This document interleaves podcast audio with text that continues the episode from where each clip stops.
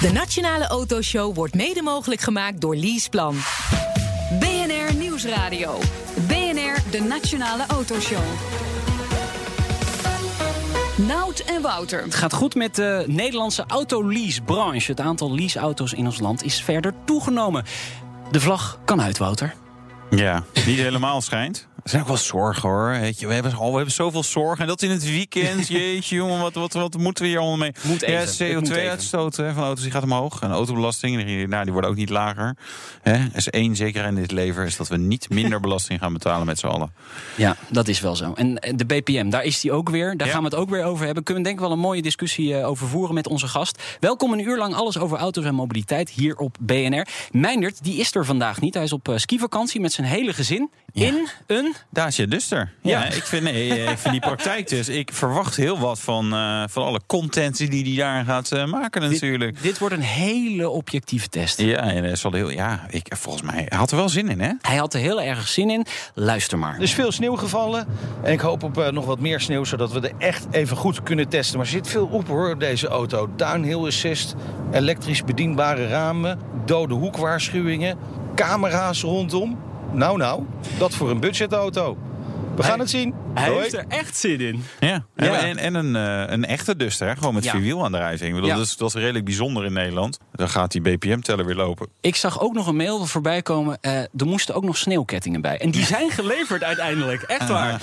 Dus uh, hij, is, oh, hij komt helemaal goed beslagen te ijs daar. Ja, en als je dus binnenkort die rijimpressie van de Duster hoort... en mijn is er lyrisch over... denk dan nog even terug aan de sneeuwkettingen die voor hem werden geregeld. hij is wel een beetje, een beetje omgekocht. Kan dat wel? Nee, nee, nee, Moet het objectief moet, blijven? Moet toch door de sneeuw kunnen ja, dat is waar, ja. Ja. Straks in deel 2, uh, Kendrion, bedrijf uit Zeist, maakt elektromagnetische componenten die onmisbaar zijn in auto's. En jij kent het bedrijf al? Ik kende de naam. En vervolgens vroeg jij mij, weet je wat ze doen? Ik zei, nou, nee, niet echt. Dus nee. dat gaan we in het tweede deel horen. Het is wel een goede tease naar het tweede deel. Oh, dat wil iedereen horen. Iedereen, Kendrion, het... iedereen kent het. Iedereen heeft ermee te maken. Maar ja, wat maken ze precies? Cliffhanger van je welste. We beginnen vandaag met de leasemarkt. We hebben de meest recente cijfers. Met dank aan onze eerste gast, Renate Hemerik, directeur van de Vereniging van Nederlandse Autolease-maatschappijen. De afkorting is VNA. Welkom, leuk dat je bent. We kennen elkaar allemaal, dus we gaan gewoon tutoyeren. Uh, je vertegenwoordigt een enorm wagenpark. Uh, wat is de laatste stand van zaken? Om hoeveel voertuigen gaat het op dit moment? Nou, laatste stand van zaken is dat we in Nederland 860.000 uh, leaseauto's hebben. En dat is een groei van 9,3 procent ten opzichte van vorig jaar. Dus dat is fantastisch. Het zijn auto's en bestelwagens bij elkaar. Ja, in totaal ja, is absoluut. dat. Ja, dus eigenlijk kun je zeggen, 1 op de 10 auto's in Nederland wordt geleased. Ja, klopt. Ja. En als al die auto's nou eens even een dagje thuis zouden blijven, dan, uh, dan, dan staat er niemand meer in de file. Zo zou je hem ook kunnen zien, hè? Zou je ook kunnen zien. Ja. Mooie uitdaging. ja. nou, dat kunnen jullie je leden voorleggen. Nee, ja. ja zo werkt het natuurlijk niet. Maar dit is fors. Zijn wij wat dat betreft een echte leasemarkt vergeleken met, met landen om ons heen? Of hoe, hoe, hoe zit dat? Dus in België en Duitsland hebben ze daar meer leaseauto's of zakelijke auto's? Hoe werkt dat? Nee, nou wat je ziet is in de, in de verschillende landen om ons heen zijn er wel andere argumenten om te leasen. Nederland doet het fantastisch. Uh, ja. uh, en vooral de laatste jaren zie je natuurlijk dat met name het ontzorgen van het bedrijfsleven, maar ook tegenwoordig de consument. Hè, want ja. private lease is oh, heel erg lease, hot. Ja. Het, het ontzorgen, het ontzorgen met name, dat is het element waarom ja, het zo voortvarend gaat in Nederland op dit moment. Ja, dus je weet je, gewoon in ruil voor uh, een paar honderd euro per maand krijg je een auto en alles. Ja, verder, weet je, je, je stopt je sleutel erin. En soms hoeft dat zelfs niet eens meer. Nee. En dan rij je gewoon. Hij is ja, verzekerd. Rest, ja, ja, jullie doen alles.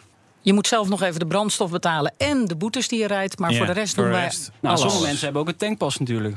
Ja, Ja. maar niet bij particulieren over het algemeen. Nee, nee, de private lease, dat noem je al, dat is in opmars. Hè? Hoe, hoe, hoeveel van die private lease auto's zijn er op dit moment? Ja, op dit moment uh, zijn dat er uh, 103.000. Terwijl we eind vorig jaar, uh, eind 2016, zaten we nog op 64.000. Ja. Dus dat is een uh, enorme stijging. Ja. Uh, en je, zie, je ziet ook dat ja, inmiddels de consument gewoon heel erg gewend is aan het, het private lease, het ontzorgen zeg maar, van mobiliteit. Gaat, gaat die groei doorzetten? Ja, ik denk het wel. Natuurlijk is het, even de, is het natuurlijk spannend wat er gaat gebeuren. Hè? Uh, ook als de eerste private lease auto's terugkomen. Maar wat je ziet is dat in. Ja, waarom is dat spannend? Als Nou, die terugkomen, of, of, of ze nog te verkopen zijn? Of dat, eh, Nee, nee, nee. Oh nee, dat Ja. helemaal niet. Want Maar- dat zullen ze goed zijn, want het zijn jonge auto's met weinig eh, kilometers Ja. op de teller. Maar wat natuurlijk spannend is, is of we ons woord waargemaakt hebben en de belofte naar de consument dat hij Ja. zorgeloos eh, gebruik kan maken van een auto. Ja. Ja. En ik ga ervan uit dat het helemaal eh, gaat lukken. zeggen, je twijfelt er niet aan je eigen Nee. leden? Absoluut niet. absoluut niet. De, de standaard auto is nu heel klein. Zo'n A-segment auto, Fiat 500. Zie, je- zie je daar verandering in komen? Ja, ja, ja, ja. Wat we zien in de cijfers die we dus nu gaan opleveren, waarbij we hier de, de primeur weggeven. Ja, Ja, ja. ja. Is we hebben de primeur, jongens. Ja, ja, ja. Is dat cataloguswaarde van de gemiddelde ingezette private lease auto toch ook wat aan het opschuiven is? En ik denk ook dat het Ja. goed is, hè, want uiteindelijk eh, hebben we het niet alleen over de hele kleine A-segment auto's, maar zie je ook dat mensen behoefte hebben aan een wat grotere auto. En ik denk dat uiteindelijk dat het voor de hele automotive eh, een- een goed teken is. Groter is duurder natuurlijk. Ja, dat, dat is wat we nu kunnen zien uit de cijfers die ik op dit moment heb. Er komt een heel uitgebreid rapport met eh nou, merkentypes en alles erop en eraan. Maar we zien nu dat die cataloguswaarde wat aan het oplopen is. En dat is, nou ja, dat is heel goed nieuws. Ja. 860.000 is de totale leasemarkt. Denk je dat we snel op de miljoen zitten? Op deze manier, met de private lease die maar blijft groeien? Ja, je hoopt het. Kijk, het is natuurlijk een, een record aantal. En, en eh, ook met name de stijging die erin zit. Eh, eh, ja, je, je hoopt het. Maar daar is er nog wel wat voor nodig natuurlijk. Ja. Maar we hebben ook stijging bijtelling voor, voor veel mensen in hun hoofd. Hè. Veel Ja. december van 7 naar van en 14 naar 22. Hè. Straks gewoon weer in principe voor alle auto's. Ehm, wat gaat er met, met die zakelijke leasemarkt gebeuren? Gaan, gaan daar mensen dan toch gewoon eens even rekenen en zeggen... nou, ja, val me toch tegen. Dit is wel duur. Dan koop ik liever tweedehands of ik doe iets anders. Wat we zien eigenlijk, als je in de cijfers kijkt, eh, dan, dan zie je dat eigenlijk die zakelijke markt, die zakelijke personenauto, dat die eigenlijk ook eh, gewoon licht trendmatig groeit. Ja. Dus als het waar zou zijn wat jij zou zeggen, dan zou je een afname zien. En ik denk Ja. nog steeds dat voor bijtellingsniveau wat je in Nederland hebt, dat je uiteindelijk daarvoor bijna niet zelf zo'n hele nieuwe auto Nee, aanschaft en laat nieuwe. rijden. Nee. Nee, maar jullie hebben al vaker gezegd... eigenlijk is het bijtellingspercentage nog altijd veel te hoog in Ja. Nederland. Ja, Wat is het ideale bijtellingspercentage? Als je teruggaat naar bijtelling, is bedoeld als eh, je moet iets afdragen als bereider, omdat je loon in natura krijgt van iets hè, van je, wat je van je werkgever krijgt. Dus die auto Ja. krijg je in gebruik en daar moet je iets voor betalen. Daar hebben we eh, berekeningen over laten maken een paar jaar geleden. En dan zit je om en nabij de 11 tot 13 procent. Wat echt dat loon in natura vertegenwoordigt. Ja. Nou, Dat is wel een groot verschil, zeg. Dat is Ja. het dubbele. Ja. Dus Ja. betalen ja. we nu. Ja, het is ook erg aantrekkelijk voor eh, het ministerie van Financiën. Ja, om te zeggen, ja, wat zullen we nou doen? 20 of 22? Ja, maar ze 22% doen. Maal 860.000 auto's, maal gemiddelde cataloguswaarde van 30 of 40.000 euro. Dus is een heel... eh, Dat Excelletje Ja. kan ik zelf ook wel Ja. maken. Dat Ja. het eh, Maar- even een beetje schuiven. Ja, het is heel mooi dat de afgelopen autobrief in ieder geval van 25 naar 22. Hè. Daar hebben we heel hard voor eh, moeten onderhandelen. En eh, dat is een mooie stap. En eh, Ja. dit onderwerp zullen we blijven Ja. eh, Aan de andere bespreken. kant, het was ooit ook gewoon 20 en 25. Ja. Hè? Dus, dus wat dat betreft denk ik, ja, we zijn, we zijn niet echt wat opgeschoten. Nou Nee, ja. Zie je dat mensen daarop afhaken? Zijn er, merk je dat er, dat er partijen of bereiders zijn die gewoon echt puur op bijtelling zeggen... nou, ik, weet je, ik ga wel gewoon in een, in een wat oudere auto privé rijden. Valt Nou, het nog mee? Tuurlijk zijn ze er altijd wel bij. Maar de cijfers zoals we ze nu hebben, Ja. laten dat in ieder geval niet zien. Nee, even benieuwd naar die 22% bijtelling, hè, die vlaktax. Heeft dat invloed gehad op welke type auto's mensen kiezen? Ja, wat we nu uit de cijfers zien, eh, hè, want dan koers je aan op, op eh, onder andere brandstoffen, Ja. eh, CO2-reductie. En wat we uit de cijfers zien, is Ja. dat, ja, niet verwonderend, natuurlijk verwonderenswaardig, dat die hybride voor een heel eind uitfaseert. Die dendert echt in twee jaar terug in die leasevloot. We zien ook dat de diesel afneemt en de, nou ja, zeg maar even de benzine en de elektrische auto neemt toe. Ja. En ontegenzeggelijk heeft die wijziging in die, in die bijtellingsklasse heeft daarmee te maken, absoluut. Als je Europa-wijd kijkt, dan is diesel is, is, is toch gewoon de afgelopen twee jaar echt volledig uit. Alleen in Italië rijden ze nog eh, massaal diesel. Maar zelfs Frankrijk is echt zo'n dieselland. Ging van, van 72 naar 40 procent marktaandeel diesels of iets dergelijks. Dus enorme landverschuiving. Ja. Eh, Hoe hard is het afgeda- eh, gedaald in, eh, in Afgedaald. Nederland? helemaal, helemaal naar Nou, het nul. wil ook op de, op de latten staan. Afgedaald. Nee. Eigenlijk als je kijkt naar de nieuwe inzet, dan was zeg maar in 2015 was 47, 48 procent van wat er nieuw aan leaseauto's werd ingezet was diesel. En dat is nu ongeveer de helft. Dat is eh, 27 procent. Zo, gaat dus van dat, hard. dat gaat hard. Ja, Blijft die daling doorzetten? Eh, of, of, of, of blijft er altijd wel een, een zeker percentage eh, diesel rijden? Ja, weet je, je hebt natuurlijk de bestelauto's er ook nog bij. Dus, Ja. dus die zitten ook in, in, in eh, onze portefeuille. Dus er zal altijd wel een basis diesel blijven. Maar ik denk dat eh, we gaan over op EV. En eh, dat is wat je de komende jaren zal zien. Daar gaan we het zo nog even over hebben. Maar ja, als mensen meer een benzine aanschaffen, dan gaat de CO2-stoot, eh, uitstoot ook omhoog. Ja, ja. En dat Zie is dus wat ook? we zien. Ja? Ja, dat is, dat is in, in, eh, voor, voor iedereen een feit. Iedereen wist toen we dit gingen doen dat je uiteindelijk zal zien dat de CO2-uitstoot eh, omhoog gaat. En wat heel nodig is en waar de overheid op in moet zetten, is dat we met elkaar allemaal overgaan op elektrisch rijden. En dan zou die CO2-uitstoot uiteindelijk eh, natuurlijk een heel eind naar beneden moeten kunnen. Kun je al zeggen op welk cijfer we uitkomen? 2017, CO2-uitstoot, gemiddeld voor het nee, wagenpark? nee, weet ik niet. Durf ik niet te zeggen. Zometeen meer over de leasemarkt. Eh, hoe groot is het aandeel elektrische leaseauto's en de toekomst van de autobelastingen? En we doen natuurlijk ook even de petrol check. Hè? Ja, die moeten we even doen. BNR Nieuwsradio. BNR, de Nationale Autoshow. Tijd voor het nieuwsoverzicht. Wouter, een knotsgekke nieuwsweek. Eh, in aanloop natuurlijk naar de autosalon van Genève. Waar wil jij mee beginnen? Nieuwe 508. Had wel een kuurtje nodig, hè? Ja, na acht jaar is die vernieuwd.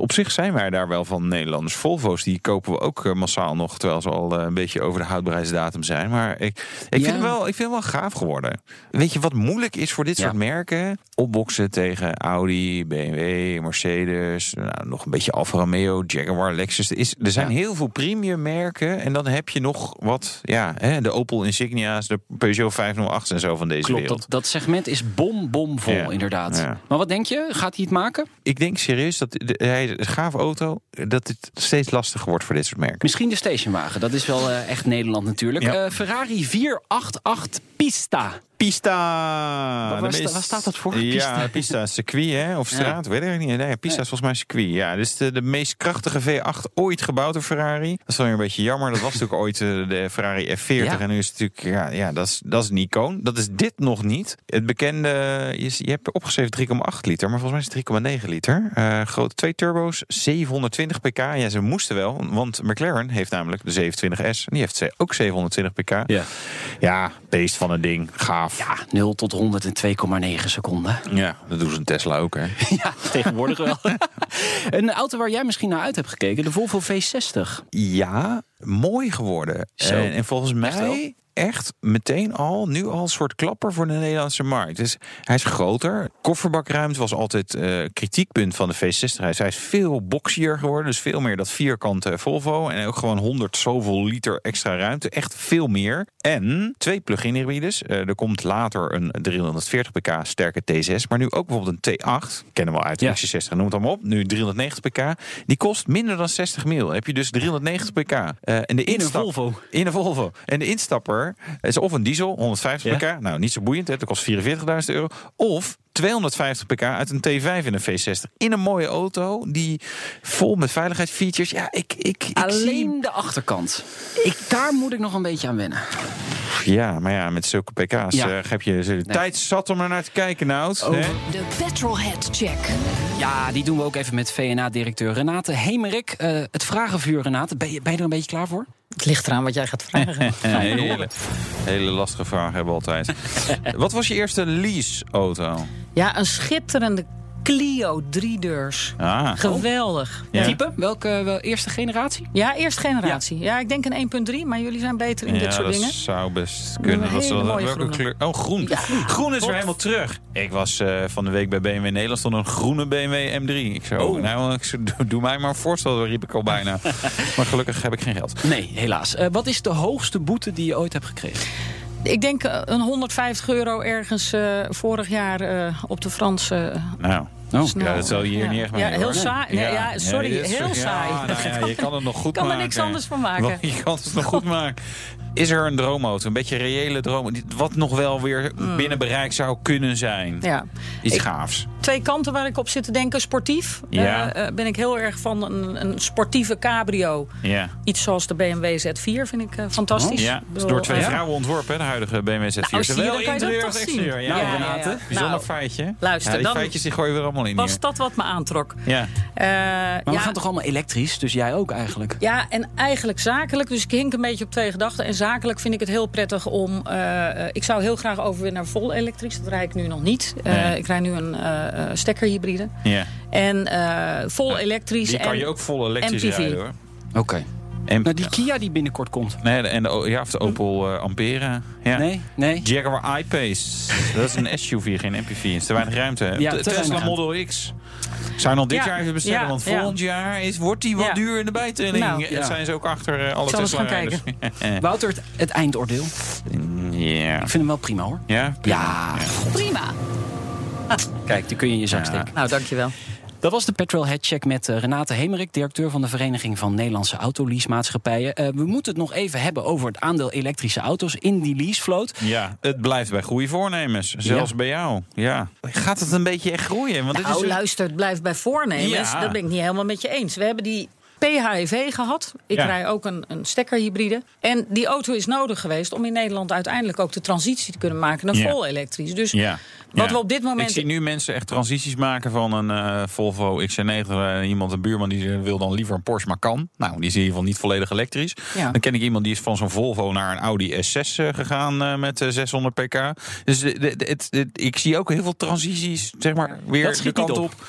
Dus Nee, ja. Wat je op dit moment wel ziet in het bedrijfsleven, wat ik dan uiteindelijk van de leasemaatschappij ook terughoor, is Ja. dat er heel veel werkgevers, grote bedrijven, zetten nu wel in op het feit dat men zegt: joh, we willen echt een statement, een beleidswijziging gaan Ja. maken richting vol elektrisch.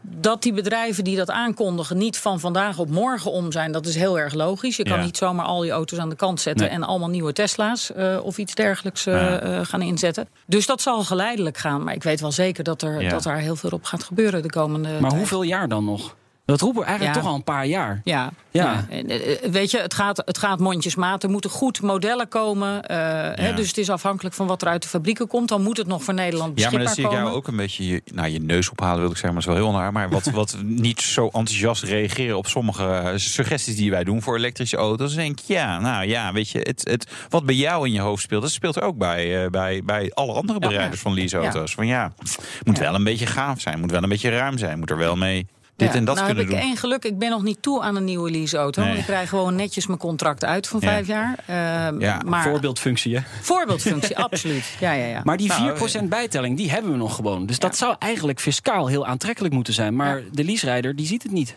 Nou, ik denk dat het vanzelf dat het wel komt. Het is een, een samenkomen van een aantal dingen. Er moet aanbod komen, die auto's moeten beschikbaar worden. Werkgevers zijn er steeds meer op ingericht en zetten hun beleid er ook op in. En dan zal het wel komen. Maar die auto's moeten ook een stukje goedkoper worden. Want het is niet voor de gemiddelde bereider op dit moment om Nee. een eh, Tesla te rijden van 80.000 Nee, euro. maar een, eh, een Renault Zoe is, eh wat is die, 25 of zo. Ja, Of, eh, Nou, maar dat is is... een stuk beter. ja, Ja. ja. Ja. En daar kom je niet ver mee, hè? Nee, nou, nou ja, je kan ermee naar Zeeland. Heb ik gedaan. Eh, moet je Wel wat tussendoor laden. goed om te Eh, we- we- de- dus dat cijfer heb je vast wel paraat. Hoeveel, eh, welk percentage is er nu elektrisch van, de- van de hele leasevloot? Van de leasevloot weet ik op dit moment nog niet. Die cijfers komen volgende week. Wat er ingezet op, wordt op dit moment van iedere nieuwe leaseauto die wordt ingezet, 2,1% is eh, elektrisch. Vol elektrisch. Zo, zo. Minimum, hè? 1 op de 50 auto's. Ja, Dat moet beter. ja. Wat moet er gebeuren? Ja, betere auto's. Ja, ja leuk. Nee, nee, ja. nee. Nee, wat ik net zei, er moet aanbod naar Nederland komen Ja. wat betaalbaar is. Ja. Er moet beleid Ja, komen. Zoe, en, Zoe en een Leaf en een E-Golf is allemaal betaalbaar. Wat hebben we nog meer? Ik mis En- vast wat. En ik zou zeggen dat eh, deze, dit kabinet heeft een, een, een grote ambitie op CO2-reductie. Ja. Daarvoor hebben aan ze een- ambities ontbreekt het daar niet. Nee, nee. Ja. En dan zou ik zeggen boter bij de vis. Dan moet er ook wat gebeuren. En op welke manier dat zou moeten gebeuren, dat is even de vraag. Hè. Als je dan een stimulering krijgt, moet dat dan via welk instrumentarium moet het? Ik zou vooral zeggen, zet in op eh, het stimuleren van eh, belastingen waar de consument ook wat aan heeft, de particulier. Ja. Zodat de particulieren meer elektrisch. Want dat, dat gebeurt op dit moment eigenlijk nagenoeg niet. Een aankooppremie. Ja, zou, zou ik heel goed kunnen overwegen. Ja. Maar die heeft eigenlijk politiek Den Haag eigenlijk al aan de kant geschoven. Jullie hebben daar een plan voor ingediend. Ja, maar weet je, nieuwe ronde, nieuwe kansen. Uh, nieuw kabinet, uh, de staatssecretaris. Uh, ze zijn allemaal van goede wil. Nou, dan, dan zal er ja. ook wat moeten gebeuren. Maar op dit moment is autobrief 2 nog van kracht tot 2020. Daar staan de autoplannen in ja. voor de komende jaren. Ben, ben, je nog blij met die autobrief eigenlijk op dit moment? Want er is toch wel wat kritiek op. Ja, er is kritiek. Je kan altijd kritiek op van alles hebben. Wat het positieve. het nee, glas is nooit, half vol bij Renate, voor half leeg bij Renate Hemering. Hè? Nee, wat het voordeel is, en daar gaan heel veel uh, gasten bij jullie ook uh, uh, aan voorbij, ja. is de autobrief biedt ons heel veel zekerheid. We hebben zelf als autolease-sector daarop ja, aangedrongen. Daar ben ik niet mee eens. Want er kwam WLTP tussendoor en dan opeens zijn die auto's. als je gewoon een X5 wordt 14.000 euro duurder, wat, wat, wat maar bijna 20% is. Ja, welke zekerheid? Dat is, ja, maar even voor een heel aantal andere dingen zit er heel veel zekerheid in. Ja. En weet wel dat als wij zomaar, ik heb er laatst ook een oproep hier op zender voor gehoord, afstappen van autobrief 2 en Ja. overgaan naar een andere autobrief, Ja. verlies je ook een aantal dingen die je wel hebt. Zoals wat? 4% bijtelling voor elektrisch. Ja. 22 die als twee- toptarief voor. Voor 2% van de bereiders. Dus ja, Ja. eigenlijk hebben we het nergens over. Nee, maar luister, als dat weg is, is het weg. Ja, Ik bedoel, nou ja. behoud het goede. Ja. En eh, ik Ja. ben niet zomaar bereid om alles in te wisselen wat wel goed is in Nee, auto. oh, nee, maar dat, dat, dat, nee, maar goed, er, er was natuurlijk een belofte met eh, hè, het, het, de belasting gaat omlaag. En wat we nu zien met BPM is wel dat het gewoon stijgt. Even los van discussie over hoe dat precies komt. Maar ja, het, is niet een, het gaat niet de goede kant op. Ja, het is Auto's niet de worden weer, afspraak. weer duurder. Jullie zaten daar aan tafel. Dat is niet de afspraak die daar gemaakt is jullie schuld. Nee. Ik zie, het, ik zie het iets anders. Dat is wel inherent aan de afspraak. Want bij de afspraak lag aan de grondslag dat we bleven reden wat we reden. En we zijn wel degelijk allemaal andere auto's gaan kopen in Nederland. Dat maakt uiteindelijk dat ook die eh, BPM-inkomsten gewoon hoger is. Dus Ja, er zijn ook- twee kanten aan dit verhaal ook. Ja. En ik denk dat we het met de staatssecretaris moeten bespreken. Eh, als het goed is, zitten wij ook eerdaags individueel eh, eh, met hem aan tafel. En dan zullen we het over dit soort dingen en ook over de WLTP en dat soort dingen ook gewoon hebben met hem. Maar er is ook wel een verklaring voor. Het Ja. is te makkelijk om te zeggen dat het allemaal niet is conform afspraak. Want dat bestrijd ik. Vorige week was eh, de Kia-baas hier, Leon Verstoep. En die zei het volgende over de begroting die zij moeten maken voor het komende jaar al. Zo'n begroting moet elke autofabriek ook van de zomer maken. Dus wij willen ook wel van de zomer weten waar we aan toe zijn. Omdat wij ook auto's eh, in de planning moeten gaan zetten... van wie we, wat we willen gaan verkopen begin volgend jaar. Weten we dat niet, wordt het voor eh, heel veel merken, denk ik... zo niet voor alle merken, denk ik wel een hele aardige, zware opgave. Zo niet, niet te doen. Hij zegt eigenlijk, er is echt snelheid geboden. Ook voor de automerken. Maar is dat ook voor leasemaatschappijen zo? Moet er snel een oplossing komen? Nou, het ligt eraan waar je het over hebt. Want eh, ik weet niet precies waar Leon het over had. Hè. Eh, Of dat nou ging over het onderdeeltje WLTP. eh, WLTP en BPM. ja. Van ja, weet je, Ja. je moet weten of, of daar aanpassingen op komen. Of, of dat je gewoon, sommige auto's hoef je niet eens meer eh, te bestellen, zeg maar, als importeur. Want Ja. ja, die, zijn, die zijn kansloos, die zijn Ja. veel te duur. Ik heb van de week het ministerie nog gesproken over WLTP, even Ja. informeel. Maar eh, daarbij zeggen zij ook gewoon: wij hebben eh, eh, eh, voorbeelden nodig, geno- genoeg eh, eh, waarnemingen. Ja. om uiteindelijk te kunnen bepalen of wij de BPM-tabel moeten wijzigen en hoe dat moet. Ja. Dus laat dan, mijn oproep terug zou zijn Ja. aan eh, Leon. Ja. Zorg dan ook dat we voldoende gegevens krijgen om het ministerie van Financiën te voeden. En dat is mijn vraag wel. Gaan de OEM's die gegevens leveren? Ja. Weet je, ja, hier kan je een beetje omheen blijven draaien. Maar, Nou ja, ehm, de- maar dat betekent in feite... eh, Kijk, want die gegevens die gaan natuurlijk gewoon niet komen. Hè. Je bent afhankelijk van eh, nieuwe eh, type goedkeuring voor auto's. Nieuwe auto's die komen. Nou, dat, dat duurt allemaal even. En zeg maar, richting het einde van het jaar is dat allemaal wel duidelijk. Nou, dan is het duidelijk. Gaan ze eens rekenen in- in Den Haag. Alleen dan zijn we... We hebben nog tien maanden dit jaar. Ja, dit is, dit is zeg maar een, een, zo'n zo'n ongeluk... wat zich in slow motion aan het afspelen is. Dat die prijzen gewoon zeg maar, langzaam eh, En, ja, ik- ik- ja, alleen één toevoeging op wat jij zegt. Je hebt het over nieuw. Ja. Eh, we hebben ook het nog over de auto's die nu al in de showroom staan. Ja. Daarvoor moeten eh, de merken a- 1 september meen ik klaar zijn.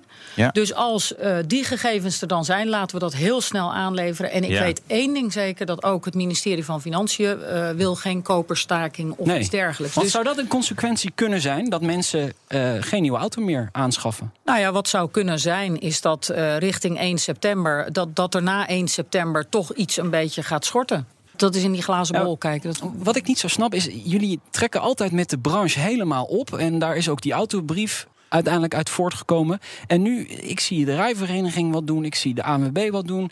Nou, jij gaat binnenkort weer om tafel, maar waarom niet als branche nou, dat is heel simpel. We hebben nu allemaal een kennismaking individueel met de staatssecretaris. Uh, dat doe je individueel omdat je altijd je eigen sector vertegenwoordigt. Dat is denk ik heel terecht. En daarnaast over de autobelastingen praten wij uh, wel degelijk met elkaar. En uh, zijn we wel een collectief. We kregen nog een leuke mail, Wouter, ja. van Ronald van der K de dubbel A, kunnen we in Nederland mobiliseren tegen de schandalige verhoging van de BPM. Hij wil uh, opstand. Ach, naar het Binnenhof zou ik zeggen. Ja, ja. Met de hooivorken naar binnen. binnen ja, ja, ik weet niet of het helpt. Nee, ik denk het niet. Ik zou, ik zou het wel een goed idee vinden, dat wel. Dank voor je komst naar de studio. Renate Hemmerik, directeur van de Vereniging van, de ne van Nederlandse Autoleasemaatschappijen. Zometeen praten we met de baas van Kendrion, het bedrijf uit Zeist dat elektromagnetische componenten maakt voor de auto-industrie. En Wouter, jij rijdt in de zoveelste variant van de Porsche 911. Ja, de 911T. En binnenkort ga ik nog een Porsche rijden. Nee, Gaaf, hè? Ja. Oh, nou. De Nationale Autoshow wordt mede mogelijk gemaakt door Leaseplan. BNR Nieuwsradio. BNR, de Nationale Autoshow. Nout en Wouter. Kendrion. Nog onbekend bij het grote publiek, maar daar komt vanaf vandaag voorgoed verandering in. Precies, daar gaan wij voor zorgen. Het Oerle-Hollands bedrijf maakt elektromagneten voor auto's. En daar, ja, daar kan je heel veel mee. Meer dan je denkt. Ja, echt waar? Ja, schijnt. Ja, het wordt zo uitgelegd. Straks een rijimpressie in de Porsche 911T. Uh, weer een 911, Wouter. Ja, je kan niet genoeg 911 rijden. Ieder nieuws van Porsche rondom de 911 grijpt u aan om toch gewoon weer een rondje te rijden in die 911. Ja, en ik ben de tel kwijt.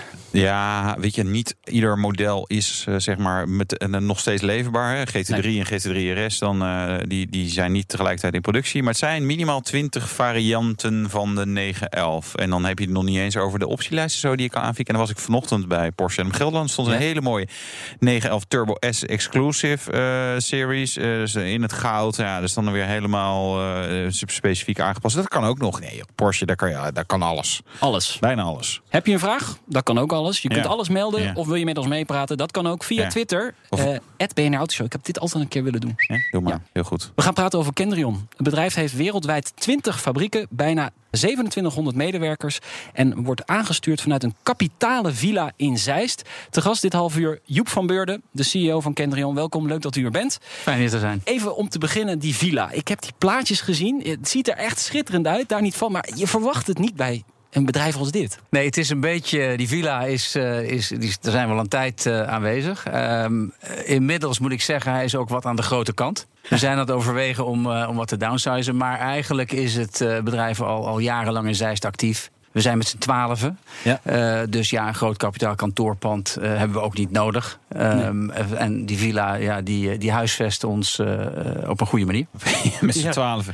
Maar twintig fabrieken en dan maar twaalf mensen in Zeist. Dat is, ja, dat, dat is zeg maar de, de holding. Ja. Uh, dus ja, we proberen dat natuurlijk zo, uh, ja, zo, zo efficiënt en effectief mogelijk te houden.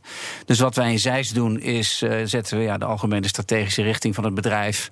we, we doen alle corporate governance, alles wat met de beurs te maken heeft. Ja. Consolidatie, financiën belasting, uh, dat soort ja. dingen. Oh, gezellig. gezellig. ja, ja. Gaan we het niet meer over hebben, belasting. Wordt n- niks in, in Nederland geproduceerd dus? Nee, het is. Uh, kijk, Kendrion bestaat al uh, ja, 150 jaar ongeveer. Was vroeger Schuttersveld. Zat dus ooit in de textiel. met heel veel productie in Nederland. Maar gaandeweg is dat, dat bedrijf ja. stukje voor stukje enorm veranderd. En, en sinds ja, een jaar of twintig zitten we in de elektromagneten. Met inderdaad geen, geen productie in Nederland. Wel veel in Duitsland, Oostenrijk, Tsjechië, Hongarije, China, Amerika. Welke markten? Kun je daar een beetje voorbeelden van geven wat, waar jullie allemaal in te vinden zijn? Jazeker. Nou, wij maken elektromagnetische actuatoren. Dat zijn eigenlijk een soort van reletjes. Dus je, je beweegt iets mechanisch. Uh, je houdt iets dicht of je duwt iets open of, of je schuift iets op uh, met een elektromagneet. En daar zijn ongelooflijk veel toepassingen voor. Nou, ja. voor de consument uh, niet interessant, want het zit bijna altijd heel diep in, de, in, in je auto of in je trein of in het vliegtuig. Ja. Maar het is wel belangrijk, want als ze het niet doen, dan merk je het wel. We hebben een groot ja. probleem. Dan staat je auto stil. Ja, Ja. En, en vliegtuigen, wat, wat, wat zit er... eh, noem- kan, kan je een voorbeeld noemen van wat Ja, mensen eh, toch wel zouden moeten kennen? Nou Of- ja, nou, je hoeft het niet te kennen, maar, Nee. maar iedereen herkent het. Want als je in een vliegtuig zit, dan wordt er altijd bij de safety briefing gezegd... Hè, als er zuurstof nodig is, komen er zuurstofmaskers naar beneden. Ja, dat gebeurt dan vanzelf. Nou, hoe werkt dat? Boven je stoel zit een luikje. Eh, dat luikje wordt dichtgehouden met een haakje. En daarbovenop zitten die, die zuurstofmaskers. Nou, als de nood aan de man is... Hoop, Ja. Ik heb het nog nooit gezien, maar Nee, hè, ik stel, ook niet. stel Nee, ik heb best veel gevlogen al in mijn leven, maar nog niet eh, gehad. Nee. Dan wordt dat haakje weggetrokken door een elektromagneet. Dus Ja. dat is zo'n actuator. En dan Ja. komt dat luikje naar beneden. Nou, is dat op zich, als ik het product bij me zou hebben, zou je zeggen: ja, is nog niet zo heel ingewikkeld. Is ook niet zo. Nee. Maar het moet natuurlijk wel altijd werken. En ook onder elke omstandigheid. En, En, en, het eh, zit 30 jaar in een vliegtuig. Het gaat nooit open en dicht, behalve die ene keer. En dan moet het ook wel, het moet het ook wel doen. Dan moet het werken. En in, in de maintenance cyclus van een vliegtuig wordt dat elke drie maanden getest. En Ja. dan moeten natuurlijk ook Ah, alle oké. 300 luikjes open gaan. En, Ja. en, dus het gaat echt om kwaliteit en betrouwbaarheid. Nooit klachten gehad? Nooit klachten gehad. Kijk, dan we is hem niet goed. controleren. Eh, volgens mij. eh, eh, dan zitten we in de autoshow. ehm, ehm, dus ja, wat we in, in mijn auto zit geen zuurstofmasker. Zou soms wel handig zijn. voor de passagiers. ja. Maar wat, wat, wat, wat voor soort toepassingen wordt eh eh, worden jullie actuatoren in, in auto's gebruikt? In vele. Eh, Ja. Ze zitten vaak eh, diep in de motor. Bijvoorbeeld eh, het, het benzine-injectie wordt Ja. erdoor geregeld. Je hebt Ja. iets dat heet een, een, een- parklock of een shiftlock. Nou, als je een automaat hebt en je schakelt in zijn vooruit... dan klikt die eigenlijk in positie. Ja. En je kunt hem ook niet door de drive in zijn reverse trekken. Dan moet je een knopje indrukken. Ja. Nou, dat gebeurt met een palletje. En dat palletje wordt elektromagnetisch bediend. Ja. Dat heet dan een shiftlock. Ja. Dat doen wij. Ja. Ehm, je hebt een parklock, hetzelfde idee voor je, voor je, hè, voor je automatische, hoe heet het, handbrake, Handrem, ja. dankjewel. Ehm, dus, en er, zo zijn er een hele, heel groot aantal toepassingen in auto's. Waar wij eigenlijk nu het meest eh, op gericht zijn, zijn op de nieuwe toepassingen. En daar Ik wou er- net zeggen, want, want die versnellingspook, je krijgt steeds meer van de automatische versnellingspook, die zeg maar elektronisch eh, werken. Dus die, die, die, als je auto uitzet, dan springt hij vanzelf in, in, in, in park en zo. Dus dat, dat, dat, dat echt me, ja, bijna mechanische, dat gaat er wel langzaam een beetje af. Dus, ja, alhoewel er nog steeds, eh, dat Ja. wordt dan elektronisch bediend, nog steeds een mechanische beveiliging op zit, dat hij toch niet per ongeluk doorschiet. Dus, dus, dus, dus dat is wel een, eh, nog steeds een toepassing. ja. Maar bijvoorbeeld als je er nu kijkt naar schokdempers, eh, daar is heel veel ontwikkeling gaande. Ja. Eh, voor een aantal redenen. Gewoon omdat schokdempers belangrijk zijn voor je wegligging. Maar ook als je denkt aan zelfrijdende auto's, eh, waar je dus steeds minder op de weg kijkt, is het heel belangrijk dat je auto zeer stil is, omdat je anders wagenziek wordt. Ja. Dus er zijn veel ontwikkelingen gaande. Nou, wij zijn heel samen nauw betrokken bij een, een, een smart dempingssysteem, zoals dat heet. Ja. En dat is een schokdempsysteem wat zich automatisch aanpast aan de toestand van de weg. Oké. En wij maken er een ventiel voor die eigenlijk die, de, de, de vloeistof in die schokdemper eh, real-time injecteert, al nagelang de weg hobbelig is of juist heel, vlak. Oké. En ho- hoe bepaal je of die weg hobbelig is? Ja. Nou, dat doe je met sensoren. Ja. Dat doen wij niet hoor. Wij, Nee, wij. Dus sensoren kijken naar die weg. Ja. Dat gaat dus allemaal in milliseconden. Die zegt, Ja. nou, er komt een, een komt stukje aan. aan. Aan, nu, ja. Eh, dan moet die schokdemper dus iets, iets, iets slapper worden, iets Ja. minder stijf. En dan haal je een klein beetje vloeistof eruit. Nou, dat doen wij. Luistert heel nauw, denk ik. Zeer, luistert zeer nauw, moet onder hoge snelheid, hoge druk. Hè, De toleranties, als je, dat, die, we maken die, die ventielen in Oostenrijk. Als je dat zou zien, dat is echt. eh, dat gebeurt in een clean room. Dat gebeurt met laserapparatuur om de lassen te maken. Zeer nauwkeurige producten. Dit zit niet in een Dacia Duster, denk ik. Nee, dit zit, eh, dit zit niet in een Dacia Duster. Nog niet. nog in de, niet, nee, nee. Nou ja, je ziet wel, eh, zeg maar, die adaptieve onderstellen, dat, dat daalt zeg maar, langzaam wel af. dat je dat in steeds meer auto's krijgt. Maar bijvoorbeeld werkt dat dan ook weer met eh, jullie producten? Of is dat weer heel iets anders? Nee, dat is wat anders. En Ja. luchtvering vind je, vind je ook voornamelijk weer in, in, in, in trucks en, en grote bestelauto's. terug. En in Mercedes. En in Ja. Mercedes ook. Ja, en die Mercedes hebben ook. dat. Ja, ja, ja. Alhoewel Mercedes, high-end Mercedes eh, S-klasse, heeft dat adaptieve systeem Ja, oké. van ons met, Ja. met vloeistof. Ja. Tenminste van ons, van ons, van Bilstein, Ja. met onze ventielen. Interessante toepassing waar jullie ook mee bezig zijn, dat is die sound actuator. Die ligt hier op tafel, hè? Ja. Vertel eens even, wat, wat zien we hier? Nou, dat is, dat is inderdaad een ander voorbeeld van iets waar wij heel veel groei verwachten. Nou, waar is dat door gedreven? Eh, elektrische eh, auto's. Vandaag de dag nog niet zo'n groot marktaandeel, maar iedereen eh, ziet dat aankomen. Dat gaat natuurlijk stijgen de komende 10, 20 jaar. Ja. Op dit moment, het probleem met elektrische auto's in de bebouwde kom is... bij lage snelheid zijn ze te stil. En dat is gevaarlijk. Nou is de wetgeving in voorbereiding. Ehm, in Europa heet dat AVAS, Acoustic Vehicle Alerting System.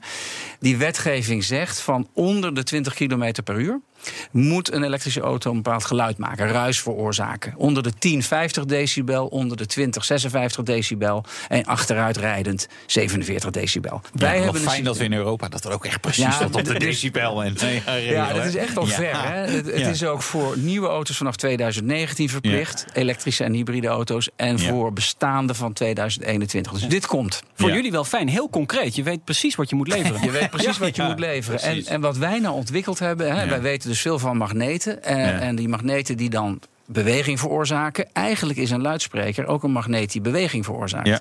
Dus het idee wat wij hadden al een tijd geleden is: waarom nemen we nou niet zo'n magneet? En we gebruiken de carrosserie van de auto, dus de auto zelf.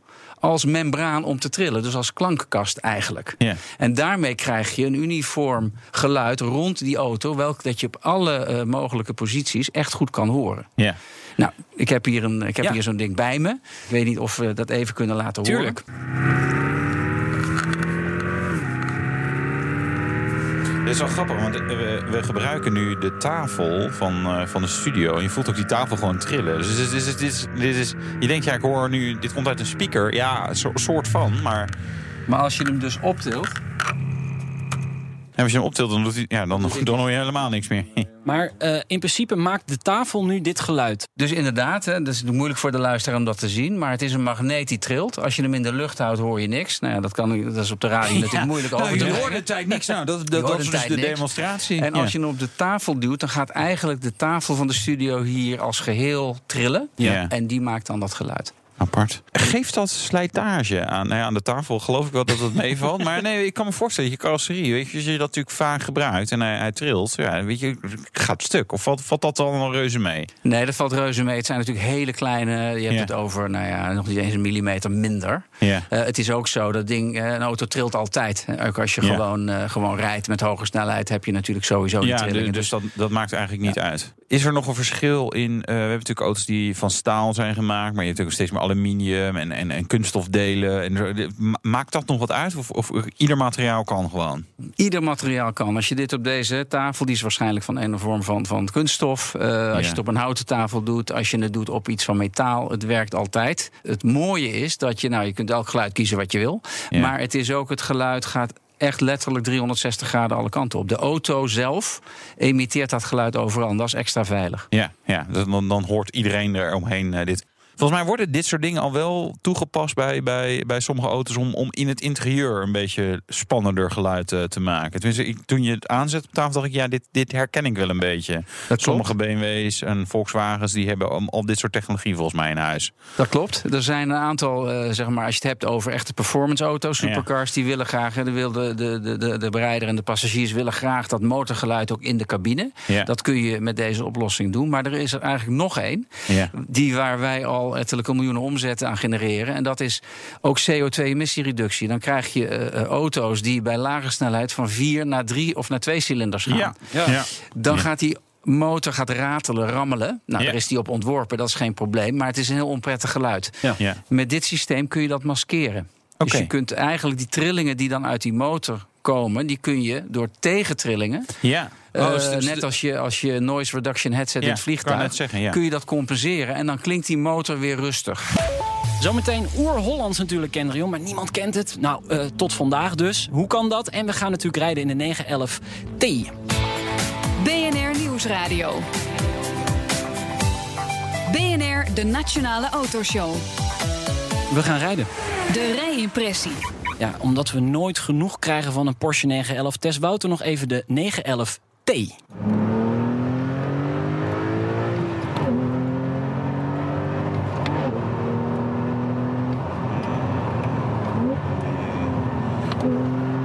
Ja, de kenner hoort natuurlijk al 911. Of nou ja, in ieder geval een boxer 16 maar het is inderdaad een 911. En dan kan je afvragen, waarom rij je weer in een 911 auto? Nou, dat heeft eigenlijk louter ja, egoïstische redenen. Dat ik een 911 stiekem wel een erg leuke auto vind. Er staat, komt toch langzaam dat verlanglijstje wel op. Hè, van die midlife crisis natuurlijk ook aan te komen.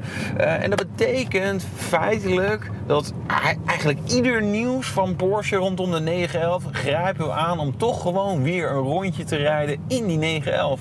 Uh, en dit is de 911 T.